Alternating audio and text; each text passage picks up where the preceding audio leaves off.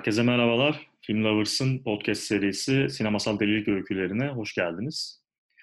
Ben Murat Emir Eren ve çok sevgili arkadaşım Güvenç Atsüren'le beraber size kaliteli delilik öyküleri anlattığımız, e, sinema tarihinden sinemanın vesile olduğu delilik öykülerini anlattığımız bir bölümün daha başındayız. Bu bölümde ki üçüncü bölümümüz oluyor kendisi. İlk kez tek bir yönetmenden ve onun işte bir takım deliliklerinden bahsetmeyeceğiz. Birkaç ayağı olan bir ve yani böyle dev bir delilik öyküsünden bahsedeceğiz biraz. Ee, bunun ayaklarından bir tanesi bir devlet başkanı. Bir diktatör olarak da anılan ama böyle anılmak istemeyen, e, böyle anılması kimilerince rencide edici bulunan ee, ancak ne diyeceğimizi de bilemediğimiz bir insan. Gerçekten öyle. Ya devlet başkanı deyip hani en riskli sular, risksiz sularda yüzmek.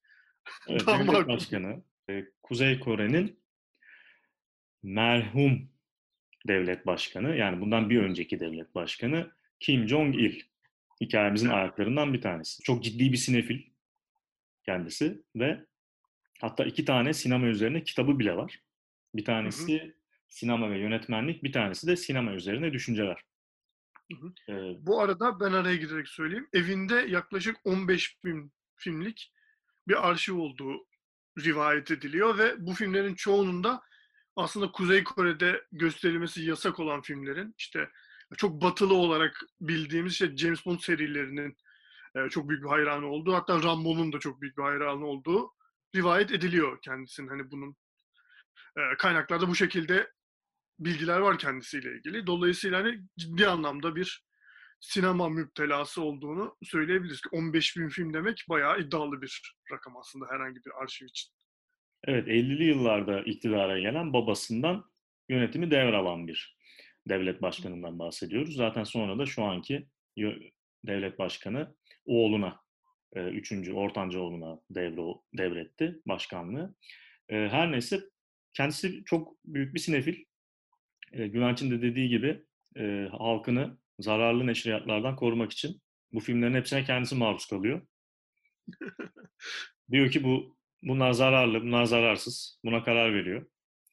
Böylelikle güçlü de bir sinema duygusu oluşuyor ama e, Kore'de de bu sinema duygusunu tesis edebilmek için filmler çekilsin istiyor. Yani aslında adamcağız yani Kore'nin sinema endüstrisi gelişsin istiyor ve ne yapıyor Güvenç?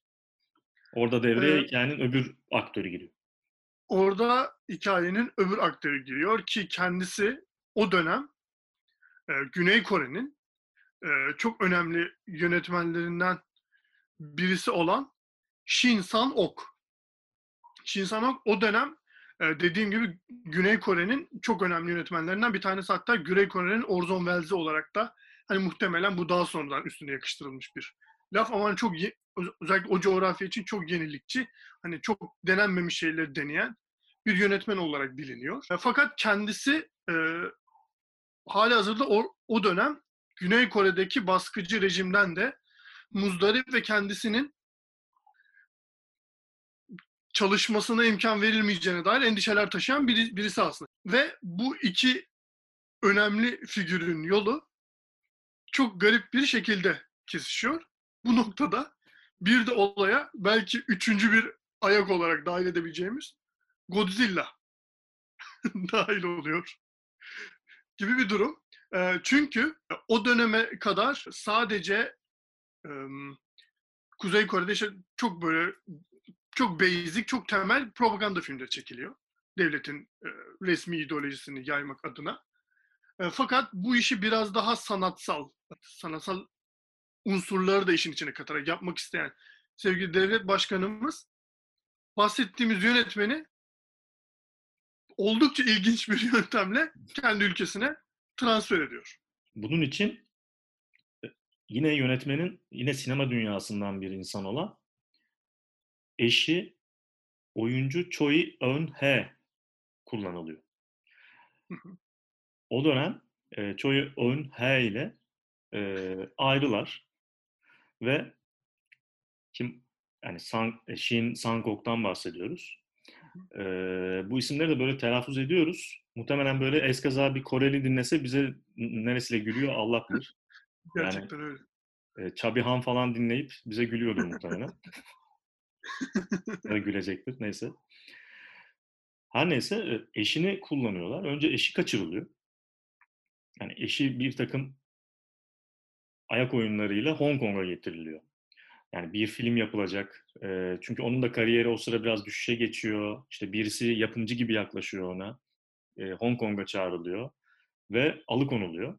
Bunun üzerine e, eşi, eski eşi Shin Sang-gok da Hong Kong'a gidiyor ve hep beraber kaçırılıyorlar. Ve şeyde Güney şey Kuzey Kore'deki yıllarında biraz e, önce isyankar davranışları nedeniyle halbuki yani bir misafir etmek istemişler. Bu kadar büyük yani, ne var yani? Gelir misin? Yani ben kendisine kloroform koklatarak kaçırmış olabilirler ama hani sonuçta e, bir misafirlik misafir etme durumu var. Bir misafirperverlik var. çekmesin diye bayıltmışlar. Bunda ne, evet. ne sakınca var? Ve bu arada yine küçük bir anekdot. Kendisini böyle saraylar gibi bir evde yaşatıyorlar. Evet. Bir süre sonra isyankar e, davranışlarından arındığı zaman kendisini evet. yani böyle devlet başkanı saraylarından bir tanesini e, bir misafir ediyorlar. Bu saraylardan bir tanesine misafir ediyorlar ve e, o sırada yeni boşandığı eşiyle de devlet başkanının aracı olması vesilesiyle tekrar evleniyorlar gibi. Aslında hani bitmiş olan bir evlilik yeniden tahsis ediliyor. Saraylar gibi bir evde yaşatılıyor tabiri caizse. Tam anlamıyla hatta. Kelime tam anlamıyla saraylar gibi bir evde yaşatılıyorlar. Ne, ve ne kalıyor orada? Bu yönetmenin çekmesi beklenen filmler kalıyor. yani kendi ifadesiyle, kendi yani verdiği röportajlarda falan ilk döneminde, Kuzey Kore getirildiğinin ilk döneminde şey çalışma kamplarında çalıştırıldı. Hani bu bahsettiğimiz isyankar davranışlarını tam vazgeçmesi süreci biraz bu şekilde olmuş. Hatta o sırada birkaç kez kaçma girişiminde de bulunmuş kendisi. Hı hı. Bu kamplardan ve Nankörlük. Yani yani bir bekle yani biraz hani şey olsun. Bu törpülensin asi davranışları. Sonrasında zaten dediğimiz gibi seni saraylara yerleştirecekler. Ülkenin böyle en önemli insanlarından birine dönüşeceksin. Ki o dönüşme şeyi de aslında işte sinema bu hikayenin sinemaya bağlandığı nokta biraz oralarda başlıyor. Evet burada yani 78'den 80'lerin başına kadar aslında film yapmayı reddettiği için daha doğrusu yani birlikte çalışmayı reddettiği için sadece bu ülkede kalıyor. Hı hı. Fakat sonrasında e, filmler yapmaya başlıyor ve ayrılana kadar 19 tane film çekiyor. Hı hı. Ve bunların içinde yani o kadar çeşitli filmler var ki yani çizgi filminden çünkü bir general böyle bir şey rica ediyor. Diyor ki yani pardon general diyorum. Çok affedersiniz. Bir kültür bakanı. Dönemin kültür bakanlarından birisi çizgi filmde olsa ya diyor. Çizgi film çekiyor. E, Kim Jong-il karate filmleri seviyor. Karate filmi çekiyor. E, Godzilla hayranı olduğu için işte en çok bilinen işte e, bizim de bugün konuşacağımız Pulgasari adlı canavar filmini çekiyor. 1985 yılında yani ayrılmadan 1-2 yıl önce. Evet, zaten şöyle, e, ülkeden ayrılması da biraz bu film vesilesiyle oluyor. Onu oraya geçmeden biraz filmden de bahsedelim tabii ki. Film dediğin gibi tam olarak bir Godzilla tırnak içerisinde çakması. Ee, yani Godzilla'ya şey olarak da, hani görünüş olarak da benzeyen ama farkı şu ki kendisi e, ülkenin resmi ideolojisini takip eden bir Godzilla. Ee, oradaki e, zor şartlarda yaşayan bir grup köylüyle birlikte onları baskı altında tutan bir imparatora karşı ayaklanmaya girişen bir Godzilla'dan bahsediyoruz. Ee, dolayısıyla hani aslında bunun Godzilla filmlerini hani okyanustan çıkıp e, Japon şehirlerini yakıp yıkan Godzilla'nın bu sefer e, insanların hayatına musallat olan bir baskıcı diktatörün diyelim e, karşısında duran bir yaratık filmi. Yani aslında ideolojik olarak bakıldığı zaman çok enteresan bir film. Yani şu an bu şu an baktığımız zaman e, şey gibi görünebilir. Hani, e, tam olarak devlet propagandası nasıl? Yani, yani çok kağıt üzerinde evet hani bir baskıcı iktidar karşı halkla birleşen bir canavar ama işte bu metal yeme mevzusu da anlamsal olarak hikayenin gidişatı olarak enteresan bir yere gidiyor. Fakat ne olursa olsun çok beğeniyor devlet başkanı bu filmi. Ve film Kore'de de büyük bir hite dönüşüyor. Yani çok büyük bir başarı sağlıyor. Ee, ve yani şu an baktığımız zaman film zaten bir kült. Yani bir kült bir film ve e, yani kült kelimesinin de hakkını sonuna kadar veren bir film. Kült film çok hani Türkçe'de biraz çok geniş bir anlamda kullanılıyor. ama hani biraz da hani defoları olan bir film anlamı gibi bir anlamı falan da var ya. Defoları olan ama onlarla sevilen, kendi hayran kitlesini yaratmış e, filmler için kullanıyoruz ya bu tanımı daha çok. Yani gerçekten Pulgasari tam anlamıyla öyle ve izlemek için e, nereden bulacağız diye soranlara müjdeyi verelim. YouTube'da var film. Baştan sona kesintisiz bir şekilde izlenebiliyor. Bu müthiş hazzı siz de yaşayabilirsiniz diyelim. Ee, dediğimiz gibi film Kuzey Kore'de çok büyük bir başarı elde etmesinden sonra madem bizim ideolojimizi e, bu yolla yayabilecek bir film bu kadar başarılıyken biz bunu neden yurt dışına satmayalım diye bir fikir ortaya atıyor bu sefer de devlet başkanı. E, çünkü hani bu bir sonuçta propaganda filmi ve ülke içinde çok sevildi. E, batı'da da bu filmi yayabilirsek bizim ideolojimiz oralarda da e, az ya da çok tahsis olabilir diye bir fikir ortaya çıkıyor ve filmi yurt dışına ihraç etmeye karar veriyorlar. Evet, bu arada filmin o dönem için e, ve Kuzey Kore için oldukça yüksek bir bütçesi var. Yani 3 milyon dolar gibi bir bütçeye e, patlıyor film. Ve hı işte böyle binlerce Kuzey Koreli insanın yer aldığı e, kalabalık sahneleri var. Bunlar bu arada çok güzel görünüyor filmde. Yani filmin böyle bir, gerçekten iyi bir yönetmen elinden çıktı anlaşılıyor. Bir sürü sakilliğinin içinde çok iyi sahneleri var hakikaten ve iyi bir prodüksiyonla yapıldığı, iyi bir prodüksiyon tasarımının elinden geçtiği de belli bir sürü sahnesi var. Fakat dediğimiz gibi bir sürü bir ton sakilliği de var bugünden bakıldığında. Bir propaganda filmi olması hasebiyle. Bu arada e, her filme ismini yazmayan, yani her filmin aslında yapımcısı o da yani her şeyin sahibi olduğu için. Ee, sevgili Kim Jong-il'imiz bu filme ismini yazıyor prodüktör olarak. Yani bunu yazılmaya, beğenmiş. bunu beğenmiş. Evet. Sanmayın sadece bu filmi yaptı. Ee, yani bütün o işte 19 filmin hepsinde aslında yapımcılığı var ama e, buna ismini yazıyor.